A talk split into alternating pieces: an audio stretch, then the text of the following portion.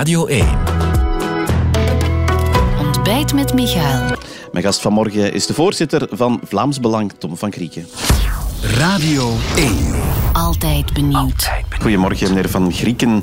Goedemorgen. Eh, hier op de grens, denk ik ongeveer, tussen Braschaat en Schoten. Die laatste uw gemeente waar u gemeenteraadslid bent. Ja, waar ik ook met mijn, mijn vrouw en mijn gezin woon. Ja, en voor uw partij eh, ooit een, een belangrijke gemeente geweest. Hè. Ik herinner me 2006, de betreurde Marie-Roos Morel, die eh, ja, hier hoopte als eerste gemeente het cordon sanitair te laten sneuvelen, wat toen niet gelukt is. Wel, iedere gemeente is voor het Vlaams Belang belangrijk, maar het klopt dat er wel wat gemeenten zijn die een symboolwaarde hebben. Ninove, Antwerpen. En in het verleden was dat ook Schoten zonder meer, waar een heuse eh, tweestrijd was tussen de uitredende burgemeester van de CD&V, die had beloofd wie de meeste voorkeurstemmen krijgt, wordt burgemeester. En anderzijds Marie-Roos Morel, die dan bleek de meeste voorkeurstemmen te hebben. Maar zoals het gaat met die systeempartijen, je kunt ze niet op hun woord geloven.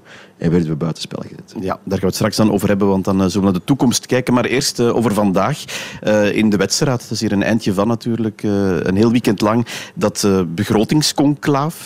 want er is een groot tekort door, door corona. Ehm, hoe, hoe, hoe kijkt uw partij daar eigenlijk naar? Want we horen u daar niet zo vaak over. Wel, kijk, we gaan eerlijk zijn. die coronacrisis was ongezien. En wij zijn ons nooit verzet tegen maatregelen die mo- getroffen moesten worden om eh, zelfstandige ondernemers te ondersteunen. We zitten hier ook in, in een zaak die ongetwijfeld ook door hopelijk eh, eh, de vruchten heeft kunnen van plukken. En nu moet dat gat wel gevuld worden. Maar de overheidsschuld, de staatsschuld van de Belgische staat, is natuurlijk niet alleen een coronaprobleem. Dat is een historisch probleem. En ik voel me niet geroepen als, als Vlaams nationalist om de Belgische overheidsschuld Nee, maar het te tekort en de staatsschuld zijn natuurlijk niet helemaal hetzelfde. Niet ja, natuurlijk, als je tekort op je begroting kunt wegwerken, ja, dan kun je je staatsschuld ook verder afbouwen en dergelijke meer. Eh, maar eh, als wij, wij denken, als je de, eh, het eh, begrotingstekort wilt wegwerken, ja, heb je een paar opties. Hè. Je kunt nieuwe belastingen heffen. Dat is het systeem van links, maar we leven in een land met de, de hoogste belastingen. Dus ja, mijn partij is geen voorstander van extra belastingen.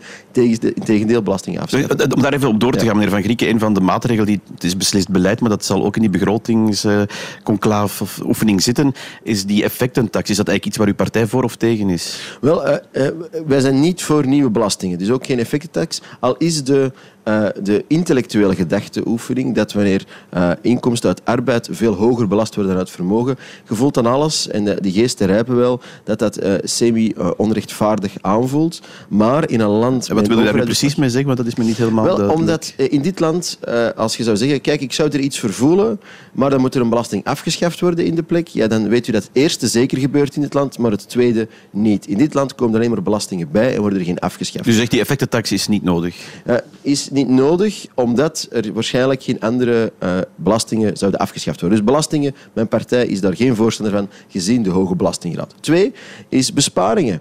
En daar voelt mijn partij wel iets voor. Niet zoals de NVA heeft gedaan, besparen op sociale zekerheid, besparen op zieken en zwakkeren, maar besparen op drie dingen, drie heilige koeien in de wedstrijd waar niemand over spreekt. De immigratiefactuur, dat in de miljarden loopt. Kunnen we nu eindelijk stoppen met de OCW van de wereld te spelen? Kunnen we onze sociale zekerheid afschermen? Eh, wij vinden, voor als je als eh, nieuwkomer hier toekomt, dat je eh, acht jaar legaal moet verblijven en minstens drie jaar hebben bijgedragen, alvorens je toegang krijgt tot die sociale zekerheid. Dat zou 1,1 miljard ieder jaar opleveren. Tweede heilige koe, besparen op de transfers van Vlaanderen naar Wallonië. We vergeten dat, maar ieder Vlaming betaalt 2000 euro Ja. ieder jaar van Vlaanderen naar Wallonië. En last but not least, we in hemelsnaam dat politiek systeem.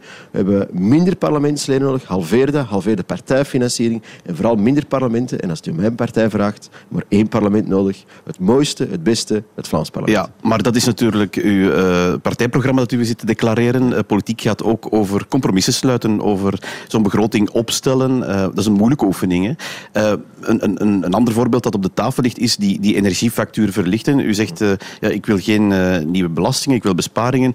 Dat is nieuwe uitgaven. Hoe, ziet u daar, hoe kijkt u daar eigenlijk naartoe? kijk, maar Vlaanderen is sterk genoeg om op zijn eentje eh, belastingverlagingen in te voeren. Wij zijn de motor van dit land. We zijn de meeste mensen, betalen de Ja, meeste Vooral belastingen. duidelijk, de Vlaamse begroting staat ook in het rood. hè. Ja, maar die hebben wel zicht op het licht op het einde van de tunnel 2027. Ja, in Wallonië en Brussel is er geen licht op het einde van de tunnel. Het is daar nog pikdonker en in België ook niet. Nu maar gaan we mij niet vragen om het, het Belgische moeras op te lossen. Heel Ja, kort. maar ik vind dat wat vreemd, meneer, meneer Van Grieken. U, u, bent toch ook actief in die Kamer? U zit in dat parlement en u zegt hier, ja, maar ik wil daar niks mee te maken hebben. Ja, maar kijk, onze analyse is meer dan 40 jaar dat we als Vlaanderen zijn boeltje op orde wilt hebben en toekomst in eigen handen wilt nemen, dan moet je af van dat blok aan uw been België. Zo simpel is het. Ja, maar ja, zo simpel is het in uw partijprogramma, maar toch niet in de realiteit. Ja, maar kijk, eh, u mag nu niet vragen. U vraagt nu, het is een beetje als u aan eh, het bestuur van Club Brugge vraagt. Anderlecht zit in de problemen, wat zou u doen om Anderlecht te helpen? Ja, dan gaat je van Club Brugge zeggen, ja, maar ik ben hier voor Club Brugge te verdedigen. U zit hier met de voorzitter van, als de peilingen kloppen, de grootste Vlaamse nationale partij aan tafel. Ik ben niet verkozen om de problemen van België op te lossen of van Wallonië of Brussel. Ik ben verkozen om die Vlamingen, eindelijk die heel veel belastingen betalen, heel hard werken, eindelijk eens iets terug te geven. Ja, en dan zegt u in 2024, dan uh, moeten ze het daar maar oplossen. Hoe, gaat u dat dan doen? Wel, ik geloof dat, uh, um, een beetje historische schets, we hebben Verhofstadt gehad, die ooit uh, een Vlaams-liberale partij heeft gesticht, de VLD, we vergeten dat, die met een Vlaamse burgermanifesten naar de kiezer trok en is uit een Belgisch vaatje beginnen tappen. Grandioos mislukt.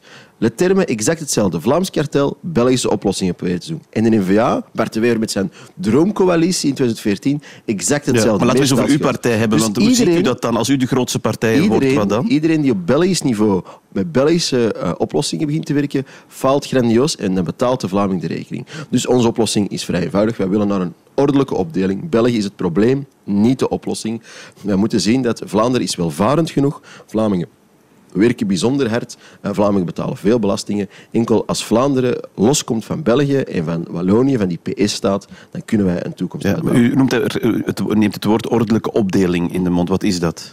Wel, wij geloven dat er een moment gaat moeten komen. Uh, België is als een, eh, een, huwelijk dat al lang niet meer werkt. De ene partner bedriegt de hele tijd en alleen het huwelijk blijft in stand voor de centen. we moeten zeggen, we stoppen ermee, jongens. Het is fijn geweest. Uh, we doen een soevereiniteitsverklaring en dat is mogelijk in 2024 als we meerderheid halen samen met de NVA. En dat is het startpunt van de onderhandelingen. Zolang er geen startpunt is, blijven we aanmodderen. Maar u zegt onderhandelingen, dus dat betekent dat u ook zegt, wij gaan onderhandelen met Franstaligen. U weet dat ons model het model is van Tsjechoslowakije. Op een bepaald moment eh, is er een van de twee partners, gelukkig waren het de beide partners daar, die zei, het is genoeg, we gaan het elkaar. En dan gaan we als volwassen mensen elkaar, bij elkaar zitten, hoe gaan we de boel... Maar u gaat onderhandelen, dat zegt u wel. Maar we gaan op bepaalde dingen toch moeten onderhandelen. Hoe splits je de staatsschuld? Uh, daar kunnen wij redelijk genereus in zijn, ook al zijn wij niet de oorzaak van de staatsschuld. Maar zijn we bereid om 60% van de staatsschuld over te nemen. We willen niet dat een buur in armoede gestort wordt. Zo van die dingen, daar moeten akkoorden ja, over Maar u hebt hier verwezen naar de VLD, naar eh, CD&V, naar NVA, die dat, dat op Belgisch niveau gaan onderhandelen. Maar u zegt nu net hetzelfde, u gaat nee, hetzelfde nee, doen. Onderhandelen niet op Belgisch niveau, van gemeenschap tot gemeenschap, van Vlaanderen tot Wallonië. Vroeger vond de NVA dat, vroeger vond de CD&V dat en vroeger vond de VLD dat. Maar telkens als ze aan die vetpotten zitten van de Belgische macht, komen ze plots mee formules die niet werken. Einstein zei, Einstein zei ooit, als je telkens hetzelfde opnieuw blijft doen en hoopt op een andere uitkomst, dat is waanzin. En ik heb soms het idee, als ik in het Belgisch parlement rondloop, dat de waanzin daar regeert en iedereen doet alsof ja, het normaal is. Maar dan wil ik het toch even hebben over, over hoe, dat, dat, hoe, hoe, hoe, ziet u dat dan precies? Maar kijk, dat is als een, ik kan het nooit proberen uit te leggen, als in een huwelijk. Als een van de twee partners zegt, het is genoeg, is het genoeg. Als de ene partner toestemming moet vragen aan de andere, ja, dan gaat het nooit gebeuren. Hè? Want er is een van de twee partners die financieel baat heeft om België in stand te houden. Dat, Onklings heeft ooit gezegd, ik moet parafraseren, als de we gaan België uitmelken, Vlaanderen uitmelken. Als, als de koe uitgemolken is, dan hoeft België niet meer voor ons. Walen zijn er heel duidelijk in wat ze willen. Hè. Zij willen centen, centen en nog eens centen. En ik vind het meer dan voldoende. Ja. Ik vind dat die centen dienen voor onze eigen mensen. U hebt natuurlijk nog altijd geen, geen meerderheid, dus u zal toch partners moeten zoeken. En wie kijkt u eigenlijk als, als u dat wil doorvoeren? U weet dat wij ongelooflijk last hebben van het ondemocratische cordon sanitair waar wij op voorhand worden uitgesloten. Wel, ik doe niet iets aan wat anderen mij aandoen. Wij willen met iedereen praten. Met iedereen. Van PvdA tot NVA. Maar we zijn natuurlijk intellectueel eerlijk. En dan gaat er een grotere overeenstemming vinden met de NVA. Zeker bij de NVA-achterban merk je gewoon, zeker op lokaal vlak, dat er een grote animo is om samen te werken. Maar ik zelf ben soms ook wel gecharmeerd door uh, het, het, lokalisme, de nabijheid van de CD&V. Dat zit soms sociaal-economisch dichter bij onze partij dan het kille neoliberalisme van de NVA die wil besparen op de sociale zekerheid. Ja, en, en als u dan in 2024 naar die twee partijen kijkt, wat biedt u hen of, of wat vraagt u hen? Wel, maar uh, ik vind het hier ongelooflijk gezellig hier bij Maar de onderhandelingen voer ik niet bij kiezer al zeker niet als de Radio 1 erbij is. Uh, maar ik denk dat er een grote congruentie is in onze programma's, zeker op Vlaams niveau.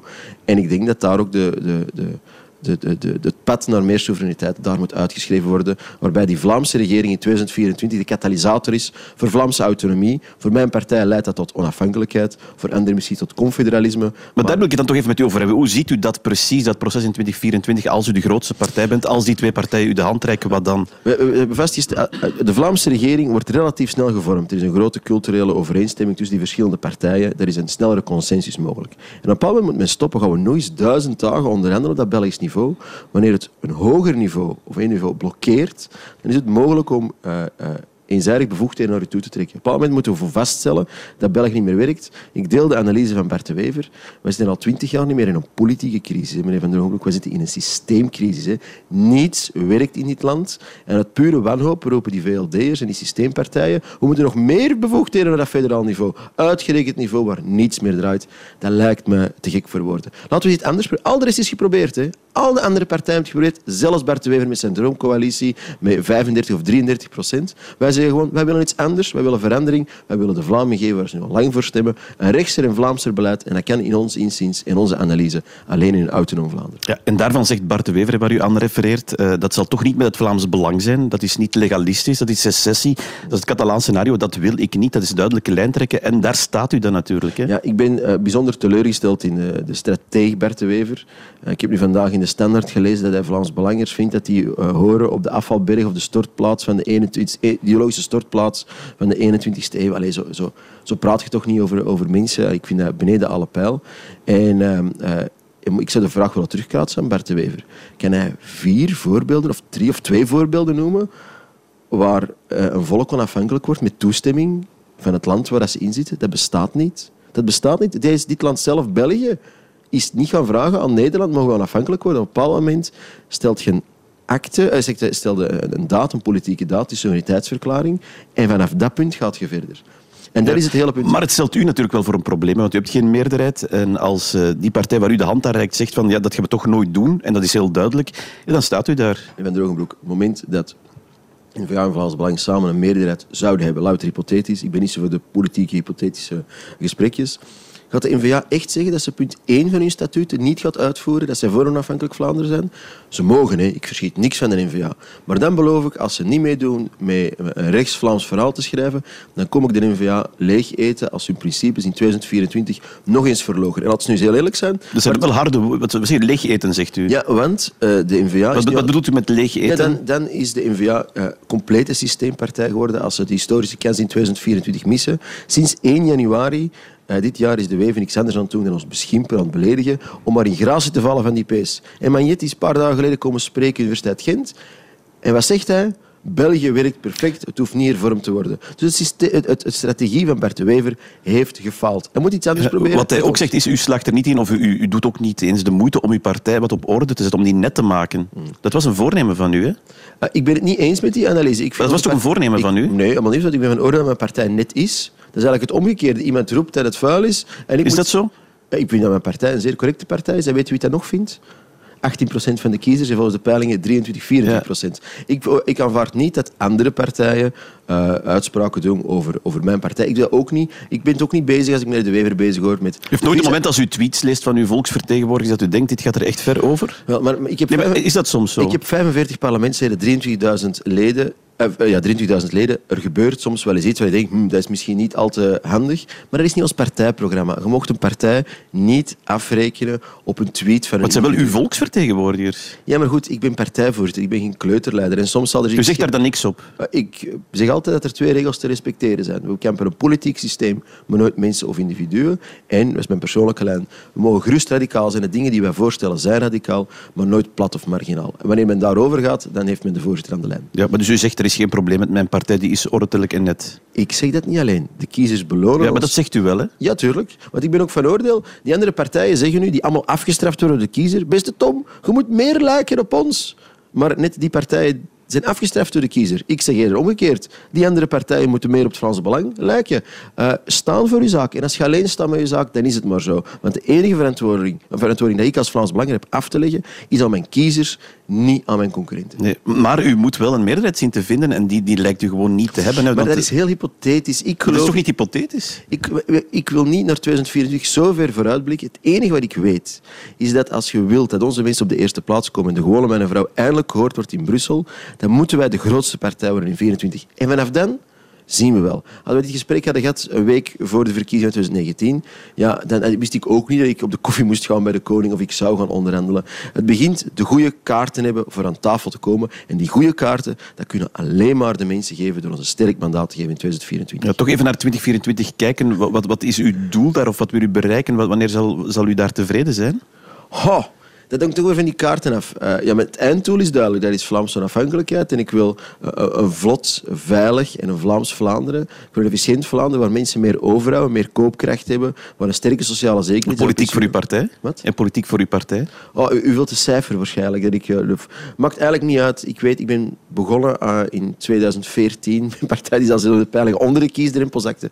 Het kan heel snel gaan. En ik heb gezien hoe groen zot van glorie was. Calvo en al Matchi zagen zich al rondrijden als minister. Um, je kunt ook te vroeg pieken. Dus ik uh, roep iedereen op, ook onze achterban, uh, het vel van de been niet te verkopen voor hij geschoten is. Het is nog drie jaar, het is nog lang en we gaan nog uh, flink uit onze pijp moeten komen. Ja, en vandaag dus sowieso eerst die begrotingsgesprekken waar we en nog een ons gesprek mee begonnen zijn. Zo is dat. Meneer Van Grieken, dank wel voor de komst van morgen. Bedankt voor uw tijd. Dit was Ontbijt met Michael, een podcast van Radio 1. Ontdek nog meer podcasts van Radio 1 in onze app en op radio1.be. Altijd benieuwd.